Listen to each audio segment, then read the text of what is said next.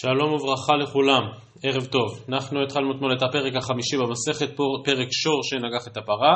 עסקנו בענייני חזקת ממון, המוציא מחברו עליו הראייה.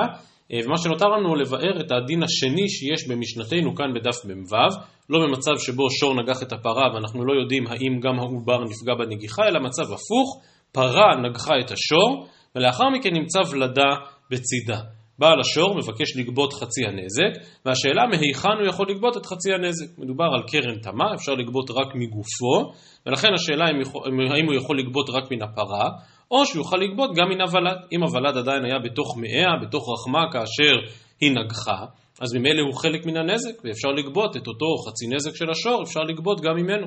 לעומת זאת, אם הפרה ילדה עוד לפני הנגיחה, אז אין לבעל השור שום תביעה על הוולד, כל התביעה שלו היא אך ורק על הפרה, וגם אם הפרה לא שווה חצי הנזק, עדיין לא יכול לגבות יותר מזה, כי התשלומים הם תשלומים מגופו. אז זה לכאורה הספק ממון שבמשנה, ומהו הפתרון?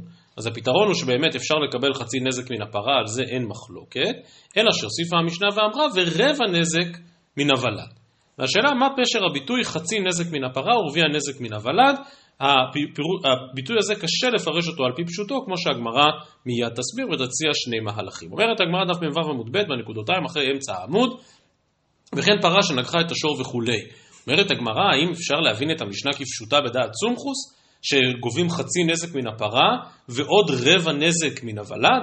פלגה נזקא או דבאי שלומי, כולי נזקא נחיריב עמאי אבידתי. כלומר, אם תקרא את המשנה כפשוטה, משמע שבמצב כזה שפרה נגחה את השור, צריך לשלם שלושת רבעי משווי הנזק. זה לא נכון, מדובר על קרן תמה, צריך לשלם חצי נזק.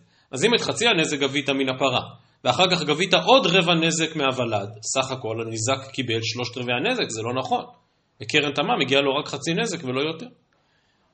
וכאמור, הדבר הזה מאוד מקשה להבין את המשנה כפשוטה, והגמרא תציע שני מהלכים. מהלך ראשון אמר אביי, חצי נזק, מה שאמרנו במשנה חצי נזק, אין הכוונה חצי נזק, אלא אחד מארבעה בנזק, ורביע נזק, אחד משמונה בנזק.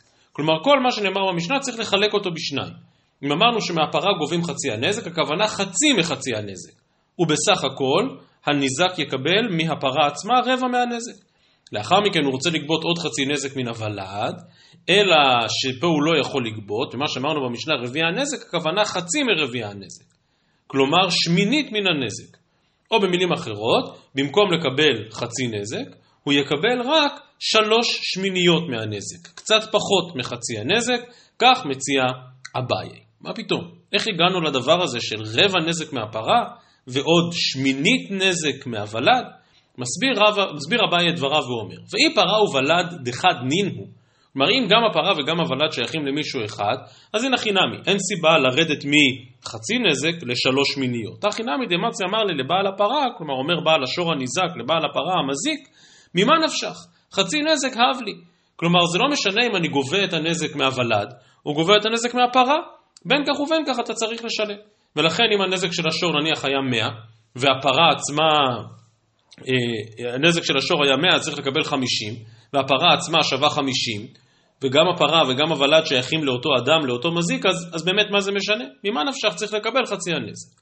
אלא, וזה החידוש של אביי, לא צריכה דפרה דחד וולד דחד. כלומר, הפרה שייכת לראובן, הוולד שייך לשמעון, והניזק הוא לוי. ועכשיו בא לוי ואומר, רגע, אז מי גרם לי את הנזק? מדובר פה על מה שכבר קראנו כמה פעמים במהלך המסכת, נזק מורכב, נזק שגרמו אותו שני אנשים שונים. הדוגמה הקלאסית, נגיע אליה בהמשך הפרק שלנו, בעזרת השם, אחרי שהזכרנו אותה הרבה פעמים לאורך המסכת, נגיע לזה בהמשך הפרק שלנו, המקרה ששור של ראובן דחף שור אחר לבור ששייך לשמעון. אז מי אשם יותר, בעל הבור או בעל השור? והבאי מנסה לשרטט גם במקרה שלנו את אותו תרחיש. כלומר, כביכול יש כאן שני גורמים לנזק. יש כאן את בעל הפרה, ויש כאן את בעל הוולד. ואז מסביר אביי כך, ואי דקדים תו אי לבעל הפרה תחילה, כלומר, על זה אין מחלוקת. ברור שהפרה הייתה מעורבת בנזק, ולכן אם בא הניזק ותובע תחילה את בעל הפרה, הכינמי דאמר לבעל הפרה, פרה דידך זיקתן, הב לי ראיה דית לך שותפה. כלומר, אני מבחינתי יודע בוודאות, ועל זה אין מחלוקת שהפרה שלך הזיקה. אתה טוען, כן, אבל היא לא הזיקה לבד, היה לה גם ולד, והוולד לא שייך לי, אז לך תגבה ממנו. לא, אם קודם ותבע את בעל הפרה, אין לבעל הפרה תחנת מילוט. ואדרבה, אם בעל הפרה רוצה להימלט, מה... יש מצלמות אבטחה, רואים שהפרה שלו הזיקה, על זה אין מחלוקת, ולכן הוא אומר, אתה טוען שיש כאן עוד מישהו שותף לנזק, אומר לו בעל השור, הניזק, אתה טוען שיש עוד מישהו שותף לנזק? לך תביא לי ראייה. אלא דקדים לבעל ולד תחילה. כלומר, בא בעל השור הניזק ותובע דווקא את בעל הוולד, ואז בא בעל הוולד ואומר לו, גלית דעתך דשותפאית לי. כלומר, בעל הוולד יטען להגנתו, אבל אני לא חייב לשלם לך חצי נזק. כי הרי הנזק הזה נגרם על ידי שניים, הוא נגרם על ידי הפרה ועל ידי הוולד, וגם אתה, בעל השור הניזק, גם אתה מודה בזה, ולכן בעצם צריך לשלם לך רק חצי נזק. והחצי נזק הזה שצריך לשלם לך מתחלק גם הוא לשניים. רבע בעל הפרה, רבע בעל הוולד. ואז בא בעל הוולד ואומר, אותו רבע שאתה טוען שאני צריך לשלם לך, אבל אין לך ראייה. אולי בכלל הוולד לא חצי מהנזק. ולכן מראש כל התביעה שלך לגביי היא על רבע הנזק, והיות שיש מחלוקת, ואנחנו פוסקים כאן כדעת סומכוס, כל מה שנשאר זה לשלם שמינית. שוב, האוקימתא, שמדובר על פרה של אחד וולד אחד, בעל השור הניזק צריך לגבות חצי נזק, אז זה אומר שהוא צריך רבע הנזק מבעל הפרה, רבע הנזק מבעל הוולד, ואם הוא קדם ותבע את בעל הוולד, שכולי עלמא מודים שהוולד לא גרם לנזק לבד, הייתה פה גם הפרה, אז במצב כזה, באמת בעל הוולד משלם לו רק חצי מתביעתו, דהיינו חצי מרביע הנזק, משלם לו שמינית, ואת הרבע השני הוא יוכל לגבות מן, הוולה, מן הפרה, בסך הכל יקבל כאמור שלוש שמיניות, קצת פחות מאשר חצי הנזק. ואיכא דאמרי אומרת הגמרא, אף על גב דקדים תווה לבעל פרה תחילה, זה לא משנה את מי הוא תבע קודם. גם אם הוא קודם כל ניגש לבעל הפרה, עדיין בעל הפרה מצא מדחלי. בעל הפרה אומר, טוב, אבל יש פה עוד שותף לנזק, אני לא גרמתי לנזק לבד, אלא גם בעל הוולד גרם. דאמר לי, מי דיד אי, דשותף היית לי. כלומר, אני מבחינתי יודע שיש לי עוד שותף. אני מבחינתי לא מוכן לשלם לך יותר מאשר רבע הנזק. כי אתה מגיע לך חצי נזק, הפרה שלי היא חלק מזה, וגם בעל הוולד הוא חלק מזה, תלך ותתבע אותו. כאמור, בעל הוולד יטען שהוא פטור לגמרי מכל הדבר, ולכן בסופו של דבר אכן ישלם לו רק שמינית מן הנזק. זו האוקימתא של אביי, אני יודע שזו אוקימתא טיפ-טיפה מבלבלת וטיפ-טיפה מורכבת, ובכל זאת זה הרעיון של אביי כדי להסביר את כל העניין של חצי נזק ורבע נזק שיש במשנה. התוספות כאן בדף מ"ו עמוד ב' רק עומדים על חידוש אחד מאוד גדול, התוספות בדבור המתחיל הוא רביע נזק, אומרים תוספות תימה האח משווה הוולד לפרה, פשיטא שלא עשה הוולד נזק כמו הפרה. כלומר, אם הזכרנו מקודם את הדוגמה הקלאסית של נזקים מורכבים, כאשר שור דחף שור אחר לתוך בור, אז אתה באמת יכול לומר, בלשון העם, 50-50, כלומר חצי השור גרם וחצי הבור גרם. אבל פה, שיש פרה שנגחה, גם אם אתה צודק שכאשר היא נגחה היא עדיין הייתה מעוברת, ברור שעיקר האחריות היא אצל הפרה. ואי אפשר לחלק את זה בדיוק ביניהם. ומכוח הקושייה העצומה הזאת, אומרים תוספות, הוא מפרש ריבה דחולה מילתא נקת לסימנה בעלמא כאילו הוולד עשה חצי הנזק.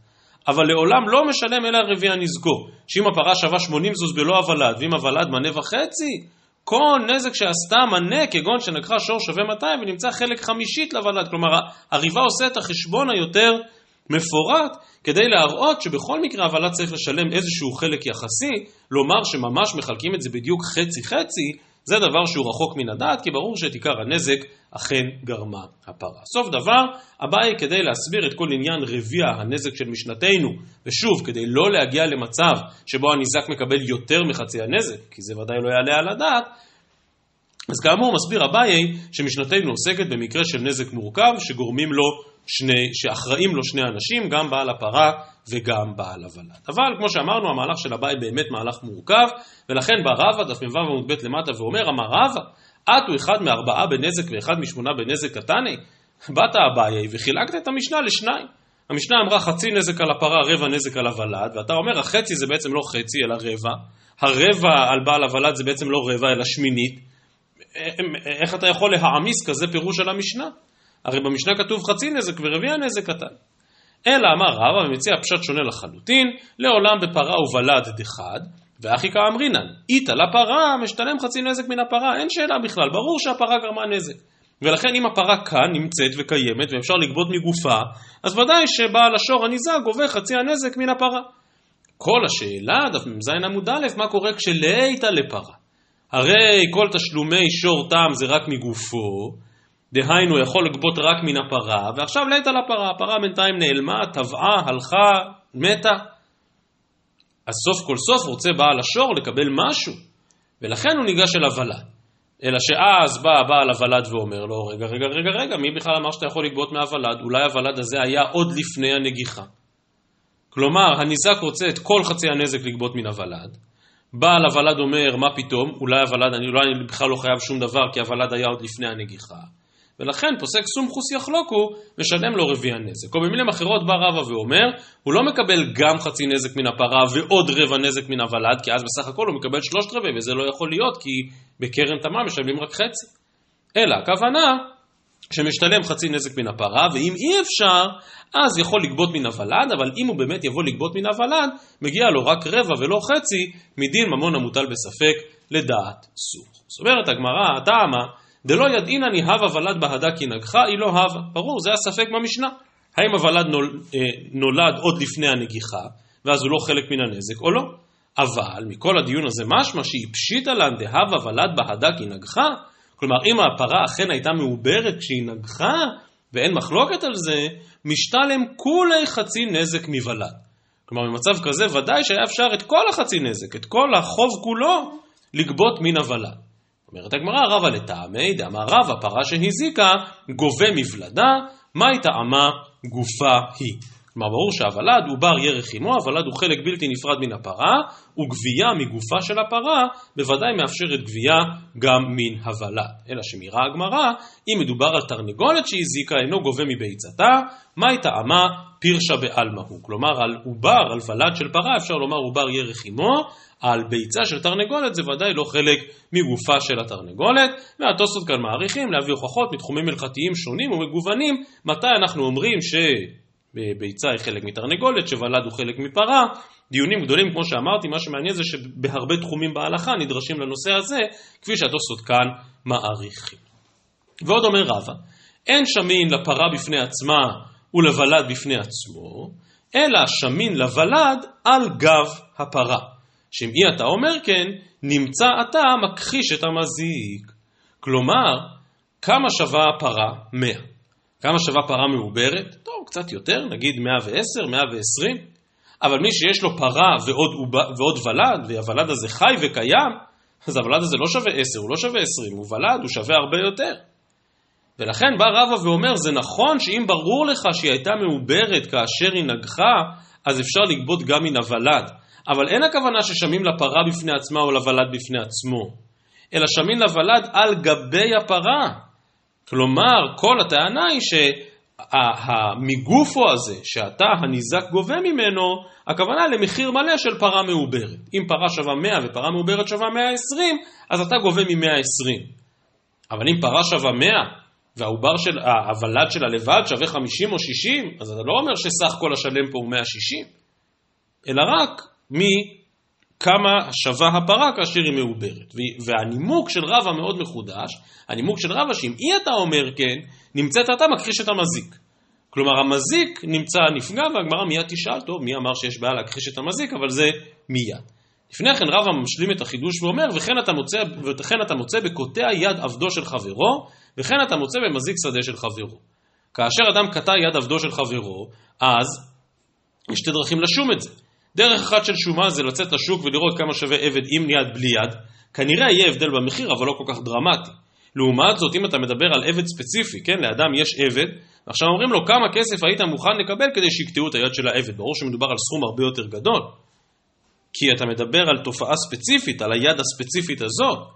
זה בדיוק כמו שרבא אומר, שאם אתה מדבר על ולד שהוא כבר ולד בפני עצמו, הוא לא חלק מן הפרה, אלא הוא הוולד, אז ברור שהשווי שלו יותר גדול. וכן אתה מוצא במזיק שדה של חברו. שאם אתה שואל כמה שווה הערוגה הספציפית הזאת שניזוקה, יש לה כנראה מחיר יחסית גבוה. אבל אם אתה אומר שיש כאן שדה שלם עם 50 ערוגות וערוגה אחת ניזוקה, אז כמה שווה שדה של 50 לעומת שדה של 49, כנראה הפער במחיר יהיה פחות גבוה. ולכן בעצם רבא בא לטובת המזיק, גם במצב של פרה מעוברת, גם במצב של קוטע יד עבדו של חברו, וגם במזיק שדה של חברו. ובכל המצבים הללו, כאמור, אנחנו עושים איזושהי שומה גלובלית, כמה זה שווה עם ערוגה בלי ערוגה, כמה זה שווה עם ולד או בלי ולד. אבל לא בודקים ספציפית את הערך של זה, כי אם כך יהיה ערך יותר גבוה. ועכשיו שואלת הגמרא את רבא, אמר לרב אחא ברי דרבא לרב אשי, ואי דינא הוא. כלומר, אם מן הדין זה באמת מה שצריך להיות. דהיינו שאם פרה נגחה והייתה מעוברת, אז הוולד הוא חלק בלתי נפרד מהנזק, ותוכל לגבות מה שאתה רוצה מן הנזק, אז לקרוש מזיק. מי בכלל אמר לך שיש כזאת בעיה שהמזיק יוצא נפסד? הגמרא, משום דאמר לי, פרה מעברתא אזיקתך, פרה מעברתא שיימנה לך. כלומר, באמת, עיקר העניין כאן זה לא שאנחנו חסים על המזיקים, אדרבה, המזיק צריך לתת דין וחשבון על זה שהפרה שלו הזיקה, אלא, מסבירה הגמרא, שיש כאן סברה גדולה מאחורי דבריו של רבא. הרי גם אם באמת הפרה הייתה מעוברת, אז פרה מעוברת היא זאת שהזיקה. אבל אין כאן, אם נחזור לאוקימתא הקודמת של אביי בדף מ"ו עמוד ב', אין כאן שני גורמים לנזק. זה לא שהפרה נגחה וגם הוולד נגח. מה פתאום? זה פרה מעוברת שהיא נגחה. ולכן לבוא עכשיו ולהגיש מין תביעת נזיקין נפרדת לוולד על מלוא שוויו, זה רב אומר שזה לא הגיוני, כי הוולד הוא לא באמת חלק מהנזק, הוא היה חלק מן הנזק רק אגב פרה מעברתא, רק אגב זה שהיה במעי אמו בזמן הנזק. מסיימת הגמרא ואומרת, פשיטא, פרה דחד וולד דחד, כלומר, אם באמת יש מצב כזה, כמו שאביי תיאר מקודם, שהפרה שייכת לראובן והוולד שייך לשמעון, ואז בא שור ונגח את הפרה הזאת, אז פיתמה לבעל הפרה. כלומר, זה שהפרה גדולה יותר, שמנה יותר בזמן ההיריון, זה ודאי שייך לבעל הפרה. השאלה, מה לגבי הנפחה? והראשונים כאן דנים, אז מה בדיוק ההבדל בין פיטמה לנפחה? פיטמה זה כאילו ההשמנה הטבעית של הפרה כתוצאה מן ההיריון, נפחה הכוונה ממש העובר שנמצא בתוך מאיה שמרבה במשקלה. אז כאמור, עצם הפרה שייכת לבעל הפרה, השאלה לגבי הנפחה, אז רב פאפה אמר שגם הוא לבעל הפרה, כלומר סוף כל סוף הוולד שייך לפלוני, אבל זה שהפרה גדולה יותר כולו של בעל הפרה, רב אחא בן רב איכא אמר לעומת זאת שחולקים, כלומר ההגדלה הזאת של הפרה היא באמת נובעת משניהם, מבעל הפרה ומבעל הוולד, ולכן חולקים את הנזק, ובאמת מסיימת הגמרא ואומרת והלכת החולקים, וזה לא קשור למחלוקת בין אה, חכמים לבין סומכוס, כי אין כאן שאלה של ספק ממון, שאומרים בו יחלוקו לדעת סומכוס, אלא יש כאן באמת חלוקה אמיתית. יש כאן פרה שהלכה ותפחה וצברה נפח יותר גדול כתוצאה מן ההיריון, ולכן את, את, את השבח הזה חולקים חצי חצי בין בעל הפרה לבין בעל הוולד. אז אם אה, סוגיית שור שנגח את הפרה התחילה באיזושהי עמקות למדנית מיוחדת במינה בכל סוגיית המוציא מחברו עליו הראייה, אה, הערב התמקדנו יותר בפרטים של הנושא הזה ובאופן השומה המדויק דווקא במקרה שבו הפרה היא זאת שנגחה את השור. ממשיכה המשנה דף מ"ז עמוד א' ואומרת, הקדר שהכניס קדרותיו לחצר בעל הבית שלא ברשות. כלומר, לא היה לקדר מקום לשים את הקדרות ופלש בלי רשות לחצר חברו. ושברה בהמתו של בעל הבית, ברור שבעל הבית פטור.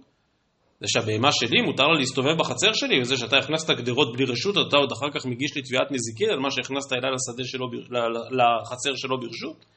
ולכן שברה בהמתו של בעל הבית פטור, ואם הוזכה בהן, אם שברי הקדרות הזיקו את, בעל הפר, את, את הבהמה של בעל הבית, ברור שבעל הקדרות חייב, זה ממש נזקי בור. אתה הטלת כאן תקלה בתוך הרשות הפרטית שלי. אמנם אומרת המשנה ואם הכניס ברשות, אם בעל החצר נתן לו רשות להכניס לשם, אז הנה חינמי בעל החצר חייב. חייב במה? חייב בנזקים של הקדרות. כי אם אתה הרשית לי להכניס לשם את הקדרות, אז ממילא זה הופך להיות קצת, קצת רשות הניזק. זה מקום שלי, מותר לי להכניס לשם קדרות. ואחרי שהכנסתי לשם קדרות ברשות מפורשת שלך, ובאה בהמה שלך ושברה אותם, אז זה בעצם נזקי רגל בחצר הניזק. ולכן בעל החצר חייב, יכול להיות שהחיוב של בעל החצר הוא אפילו עוד יותר נרחב, כמו שנראה מיד בהמשך המשנה.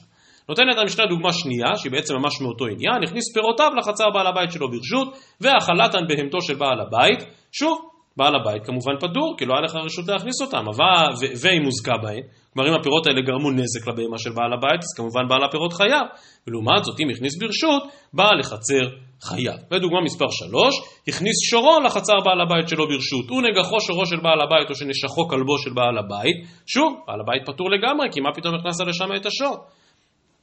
ויותר מזה, אם נגח הוא, כלומר אותו שור שנכנס שלא ברשות, את שורו של בעל הבית, ודאי שחייב.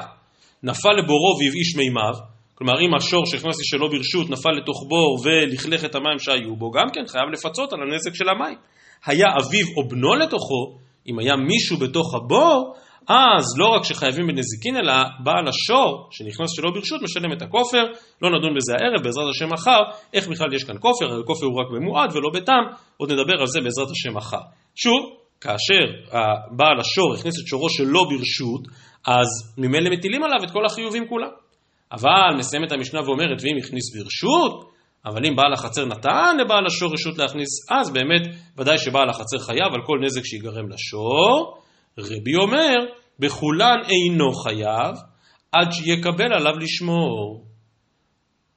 אז נעיר שתי הערות. הערה ראשונה מדברי התוספות כאן, בדף מ"ז עמוד א', התוספות שואלים למה צריך להביא שלוש דוגמאות שונות במשנה, גם לגבי קדרות, גם לגבי פירות וגם לגבי בהמה, הרי הנקודה היא אותה נקודה, שאם נתנו לך רשות להיכנס, אז בעל החצר חייב, אם לא נתנו לך רשות להיכנס, אז ברור שבעל החצר לא חייב על שום דבר.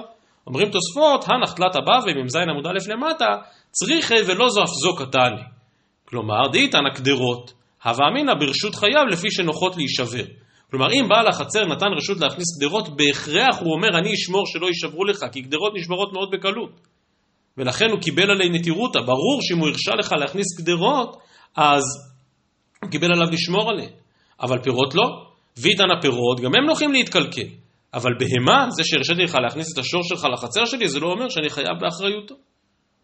וזה בעצם החידוש הגדול שבמשנה, אחרי אותן שלוש בבות שכאמור חוזרות על אותה הלכה עצמה, בא רבי וחולק על כל התפיסה ואומר, אינו חייב עד שיקבל עליו לשמור.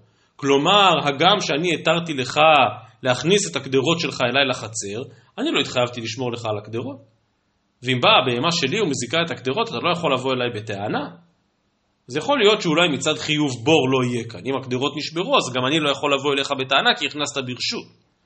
אבל בעצם אומר רבי שהתפיסה של התנא קמא לכל אורך המקרים במשנה, זה שאם אני נתתי למישהו רשות להיכנס אליי לחצר, זה לא סתם רשות, זה לא רק שאמרתי לו כן, בכבוד, יכול להיכנס, לא. אלא הכוונה שאני ממש קיבלתי על עצמי ולקחתי על עצמי אחריות מלאה לעשות, בעצם אה, אה, לדאוג ולשמור על, ה, על, על אותם דברים שהוא הכניס. כלומר, במילים אחרות, לא מדובר רק על היתר הכנסה, אלא מדובר גם על חובת שמירה, אלא שכאמור חובת השמירה הזו תלויה במחלוקת בין רבי לבין החכמים. אומרת הגמרא, מ"ז עמוד ב', תמה דשלא ברשות. הברשות, כלומר אם באמת היה רשות לבעל הקדרות להכניס לשם את הקדרות, לא מחייב בעל קדרות בנזקי בהמתו דבעל החצר. כלומר, אם אני קיבלתי רשות להיכנס, אז א', אסור לבהמה שלך לשבור לי את הקדרות, ויותר מזה, אם הקדרות נשברו, אני לא אחראי לנזק שהן גרמו לבהמה שלך. כי נתת לי רשות להיכנס, אז היית צריך להיזהר שהבהמה שלך לא שוברת ולא ניזוק. ולא אמרינן, מסבירה הגמרא, קיבולי קביל בעל קדרות נטירותא דבהמתו דבעל החצר. כלומר, אם בעל החצר נתן לי רשות להכניס לשם את הקדרות, אז הוא מצידו מתחייב לשמור לי על הקדרות שהבהמה שלו לא תזיק אותם, אבל לאידך גיסא גם אני מתחייב, גם אני פה נותן רשות. גם אני מתחייב לשמור על הקדרות שלי שלא יזיקו את הבהמה של בעל החצר. אבל במשנה לא נאמר כך. במשנה נאמר שאם זה ברשות, אז באמת לא מחייב בעל הקדרות בנזקי בהמתו דבעל החצר. כלומר, הוא לא מקבל על עצמו אחריות לשמור על בהמת בעל החצר. ואם ככה, מה אני אומרת הגמרא? רבי, דאמר כל בסתמא לא קבל עלי נטירותא. זה שאתה נתת לי רשות להכניס לכאן קדרות, זה לא אומר שאני עכשיו לוקח אחריות על זה שהקדרות לא יזיקו לך. מה פתאום? כך ברישא. אבל אם ככה עם הסיפא, ואם הכניס ברשות, בעל לחצר חייב, אם ככה, עתן לרבנן, דאמרי בסתמה, כלומר אם קיבלת רשות, נמי קבול לקבל אלי נטירותא, כלומר שבעל החצר יש לו אחריות. ותו, אם נגיע לסוף המשנה, אז רבי אומר בכולן אינו חייב עד שיקבל עליו בעל הבית לשמור. אז כבר יצאתי מבולבל לגמרי, רישא וסיפא כדעת רבי, שנתינת רשות להיכנס היא ממש ממש לא התחייבות לשמור, אבל לעומת זאת המציאת היא כדעת רבנן, שאם נתת לי רשות להכניס את הקדרות, אז אתה גם מתחייב לשמור עליהן. וכאמור, הכל סובב סביב אותה מחלוקת עקרונית שגם עליה נרחיב יותר מחר, אז האם באמת יש כאן חובת שמירה? או מה הכיל את אותה חובת שמירה? אז רישא וסיפא רבי ומציאת הרבנן, אמר רבי זרע, מרימים ידיים דברה. מי ששנה זו, לא שנה זו. יש כאן באמת מחלוקת תנאים, יש כאן דעות שונות, האם ההיתר להכניס לחצר, או ההיתר של בעל הקדרות, או זה שבעל הקדרות באמת מכניס את קדרותיו לחצר בעל הבית, האם הדבר הזה גם מטיל איזושהי שמירה הדדית עליהם, וזו אכן מחלוקת תנאים. רבא אמר מה פתאום, לא צריך להעמיס כאן דעות שונות על המשנה, כולה רבנן היא, וברשות, כלומר, כאשר בעל קדירות מקבל רשות להיכנס לחצרו של בעל הבית, אז ברשות שמירת קדירות קיבל עליו בעל החצר, ואפילו נשברו ברוח. כלומר, עיקר החידוש של המשנה, שוב, כמובן בדעת החכמים שחולקים על רבי, זה שברגע שבעל החצר הרשה לך להיכנס, הוא מקבל אחריות מלאה. לא רק אחריות על זה שהבהמה שלו לא תשבור, אלא הוא ממש הופך להיות שומר. וזה שאני אמרתי לך, אתה יכול להכניס את הקדרות, זה לא רק היתר, אלא אני לוקח על עצמי אחריות לשמור לך על הקדרות. ולכן אפילו אחר כך יישברו ברוח. שוב, לא יישברו על ידי בהמתו של בעל הבית. אפשר היה להבין שאם אני נתתי לך רשות להיכנס, זה בעצם אומר אני אשמור על הבהמה שלי שלא תשבור לך את הקדרות. לא, זאת לא הכוונה. אם נתתי לך רשות להיכנס, זה אומר שאני באמת סבור, שאני באמת מתחייב לשמור כשומר לכל דבר ועניין, ואפילו אם הרוח באה ושברה את הקדרות, אני עדיין נושא באחריות על הדבר הזה, ואם ככה המשנה כולה היא כדעת חכמים, ויוצרת כאן באמת אחריות מרחיבה, מתן רשות להיכנס זה בעצם אחריות מרחיבה לשמירה, אלא שבא רבי ואומר שאם הוא לא קיבל על עצמו בפירוש לשמור, באמת אין עליו חיוב כזה. אז כאמור על מחלוקת רבי וחכמים עוד נדבר מחר, ונמשיך ונתקדם ונראה עוד הלכה אחת מאוד מעניינת שיכולה להתקשר לדיונים גם בהקשרים שונים לחלוטין. אז הדוגמה השנייה במשנה הייתה שהכניס פירותיו לחצר בעל הבית. וכמובן, אם זה היה שלא ברשות, אז לא, לא זו בלבד שהוא, אה, שבעל הבית לא חייב בנזקיו, אלא שאם הפירות הללו גרמו נזק לבהמת בעל הבית, אז בעל הפירות צריך לפצות. איך פירות יכולים לגרום נזק לבהמה? מה בדיוק הפירות האלה עשו שנגרם נזק לבהמה של בעל הבית? אומרת הגמרא, אמר רב, לא שנו אלא שהוחלקה בהם, בור, נזקי בור. אני זרקתי את הפירות שלי לתוך חצרו של מישהו אחר, ובאה בהמתו, לא שמה לב, והחליקה ונתקלה ונפלה. ועל זה, כאמור, בעל הפירות חייב, כי מה אתה זורק פירות בתוך רשות שלא שלך? הסביר רב את החידוש ואומר, אבל אכלה? אם בהמתו של בעל הבית אכלה מן הפירות, והאכילה הזאת גרמה לה נזק, האכילה הזאת הזיקה לה ופגעה בה, במצב כזה בעל הפירות פטור. למה פטור? הרי אתה הכנסת את הפירות שלך לחצר בעל הבית וגרמת שם תקלה, גרמת שם נזק, גרמת לבהמה לאכול ולהיפגע. אומרת, מסביר רב מהי טעמה? הווה לה שלא תאכל.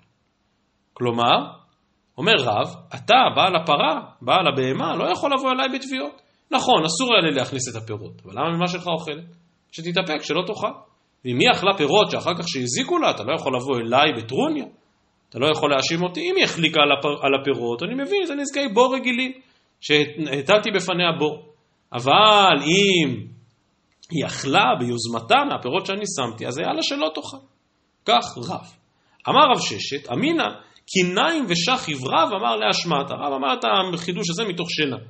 מה, איזה מין חידוש מוזר זה? שאתה מטיל איזושהי אחריות על הפרה, אתה אומר שהפרה הייתה צריכה לא לאכול, הבהמה הייתה צריכה לא לאכול. הבהמה רואה אוכל והיא אוכלת. ואם האוכל הזה הוא אוכל מסוכן, ואם האוכל הזה הוא אוכל שמזיק לה, אז ברור שמי שהניח שם את הפירות הוא זה שאשם. אבל רב פוטר אותו מאחריות. רב אומר, לא, הוא לא אחראי על זה, כי הייתה צריכה לא לאכול. ורב ששת מוכיח את דבריו, שבאמת אנחנו לא מצפים מבהמה לא לאכול. דתניא, הנותן שם המוות לפני בהמת חברו. פשוטו כמשמעו, שם לפניה רעל. אומרת הברייתא פטור מדיני אדם, וחייב בדיני שמיים. הברייתא הזאת היא חלק מהדיון הגדול בסוגיית גרם, גרמה בנזיקין. לא הזקתי אותה בידיים, אבל גרמתי לה נזק בזה ששמתי בהמת, שמתי אה, אה, סם המוות. ולכן פטור מדיני אדם וחייב בדיני שמיים. מדייק רב ששת ואומר, סם המוות הוא דלא אבידא דאחלה. אם זרקת חתיכת רעל, אז פה היית יכול להגיד, הבהמה לא הייתה אמורה לאכול. ואם היא אכלה זה רק גרמה. אבל פירות דאבידא דאחלה, כי בהמה שרואה פירות היא אוכלת אותם, אז לכאורה בדיני אדם נמי מחייב. לכאורה אפשר לחייב אותו על נזקים שנגרמו לו גם בדיני אדם, זה לא גרמה, אלא נזק ממש. אומר רב ששת, לפי שיטתו של רב ועמי, הרי היינו צריכים לומר, היה לה שלא תאכל, ואם היא אכלה זה לא אשמתי. ומכאן לכאורה מוכח שאי אפשר לבוא ולומר היה לה שלא תאכל. אם היא אכלה פירות שעומדים לאכילה, ברור שזה אשמתו של מי ששם לפניה את הפירות. הגמרא, אמרי, לא, באמת הוא הדין, אפילו פירות נמי פטור מדיני אדם. מה שכתוב בברייתא נותן סם המוות, אין הכוונה דווקא סם המוות, אבל אם נתן לפניה פירות, אז הוא חייב, לא. אלא אפילו פירות נמי פטור מדיני אדם. ואם ככה החידוש בברייתא והקמש מלן, דאפילו סם המוות נמי דלא אבידא דאחלה. כלומר, אפילו שזה סם המוות, שאז פה באמת הייתה סברה לומר, היא לא אמורה לאכול את זה, אמורה להריח, להרגיש, להבחין, שזה לא דבר מאכל. אז אפילו סם המוות נמי דלא אבידא דאחלה, ולכן הייתי חושב שמי שהניח את אותו סם המוות פטור לגמרי. החידוש הוא שעדיין חייב בדיני שמיים. והיא בעת אימה, סם המוות שעליו מדובר כאן נמי באפרזתא דהיינו פרק. כלומר, לא מדובר על סם המוות, ממש על רעל שאמור לפגוע בה. מדובר על איזה שהם פירות שיכולים להיות גם פירות רעילים, ולכן ודאי לגביהם אתה לא יכול לומר, היה לה שלא תאכל. מי טבעי, האישה שנכנס, שנכנסה לטחון חיטים אצל בעל הבית, שלא ברשות, ואכלתן בהמתו של בעל הבית, כמובן שפטור, עוד פעם, לא היה לך רשות להיכנס. ואם הוזקה, כלומר אם החיטים גרמו נזק לבהמה, אז אותה אישה שהכניסה לשם חיטים חייבת. עוד פעם אומרת הגמרא ועמי, נעימה, לפי שיטתו של רב, היה לה שלא תאכל. ואם היא אכלה זה לא אשמת, זה לא אשמתה של אותה אישה שהביאה את החיטים. אמרי, אומרת הגמרא, לא הבנתי מה הקושייה, ומי עדיפה ממתניתין דאוקים לה שהוחלקה בהם? אז תעמיד גם כאן, שהכוונה שאם החיטים גרמו נזק לבהמת בעל הבית, אין כוונה שהיא אכלה אותם. כי אם היא אכלה אותם, אז באמת בעלת החיטים פטורה, היא אומרת היה לה שלא תאכל. אז בוא נאמר שהיא פשוט החליקה עליהם, ונפגעה כדין כל בו. אומרת הגמרא, עוד יקרא לה מה יקרא לה? טוב, אתה צודק, זו יכולה תשובה פשוטה, בדיוק כמו שהסברנו את המשנה, כמו שרב הסביר שמשנתנו נזק של פירות, הכוונה שהחליקה על הפירות, ככה גם כאן, בנזק של חיטים, הכוונה שהחליקה על החיטים, אז עוד יקרא לה מה יקרא לה, מה הסברה שלה מקשה. אומרת הגמרא, אמר לך, בישלמה מתניתין קטני, אם הוזקה בהן. כלומר שהחפצה של הפירות הזיק, שהוחלקה בהן. אבל הכה קטני אם הוזקה מהחיטים. ולא קטני אם הוזקה בהן. אז אם הוזקה מהחיטין, בפשטות הכוונה אכילה הוא דקתני. ולכן הקשינו. והתירוץ הוא שהנה חינמי, אם היא אכלה אותם, אז אי אפשר לחייב את אותה אישה, את אותה בעלת חיטין. היא אומרת, היה לה שלא תאכל. אבל אם היא הוזקה בהן והחליקה, אז חייבים. ואידך, אמר לך לא שנה. באמת אין הבדל בין הזיקו בדרך שאכלה אותם לבין הזיקה בדרך שהחליקה עליהם. תשמע, אומרת הגמרא, הכניס שורו לחצר בעל הבית שלא ברשות, ואכל חיטין והתריז ומת. טוב, כאן כבר אין מה להתווכח. כאן ברור שהוא אכל את החיטים, חטף איזשהו קלקול קיבה רציני, ומהקלקול קיבה הזה השור מת. ובכל זאת נאמר בפירוש פטור. ואם הכניס ברשות, אבל אם קיבל רשות להכניס את השור, אז בעל החצר חייב. ועוד פעם חוזרת השאלה למקומה, למה בעל החצר חייב? הרי היה לו שלא יאכל, נתתי לך רשות להכניס את השור, אבל אם הוא בא ואכל, זה בעיה שלך, ואם אחר כך זה עשה לו קלקול קיבה עד כדי שהוא מת, זה בעיה שלך. אמר רבא, לא הבנתי את ההוכחה, ברשות, השלא ברשות קרמי. עד עכשיו דיברנו על מצב שבו הכניס בהמתו לחצר בעל הבית שלא ברשות. ואז התעוררה השאלה, מה קורה אם היא אכלה, ב... מה, מה קורה, היא, סליחה עוד פעם, הוא הכניס פירות לחצר בעל הבית שלא ברשות, ואז באה בהמת בעל הבית ואכלה את הפירות, ואתה שואל האם במצב כזה זה גרמה בנזיקין או לא. האם במצב כזה אתה אומר היה לה שלא תאכל. ולכן, זה לא דומה למקרה של הכניס שורו לחצר בעל הבית, שזה מקרה של ברשות. כלומר שבעל החצר התיר לו והרשה לו להכניס לשם את השור. ואם זה באמת ברשות, אז שמירת שורו קיבל עליו, ואפילו חנק את עצמו. כלומר, אנחנו חוזרים למחלוקת שבמשנה, וכמובן הולכים בדעת החכמים ולא בדעת רבי, ובאמת, לפי דעת החכמים, ברגע שהתרתי לך להכניס את השור לחצר, אני ממילא מתחייב לקבל אחריות מלאה, לכל נזק שיגרם לשור. ולכן אם עכשיו השור יבוא ויאכל פירות, אני אחראי על זה. ופה ודאי וודאי שאי אפשר לשלוף את טענה, טוב, היה לו שלא תאכל, כאילו הרשיתי לך להכניס את השור, אבל לא ביקשתי ממנו לאכול, ואם הוא אכל זו בעיה שלו. זו טענה שאינה מתקבלת.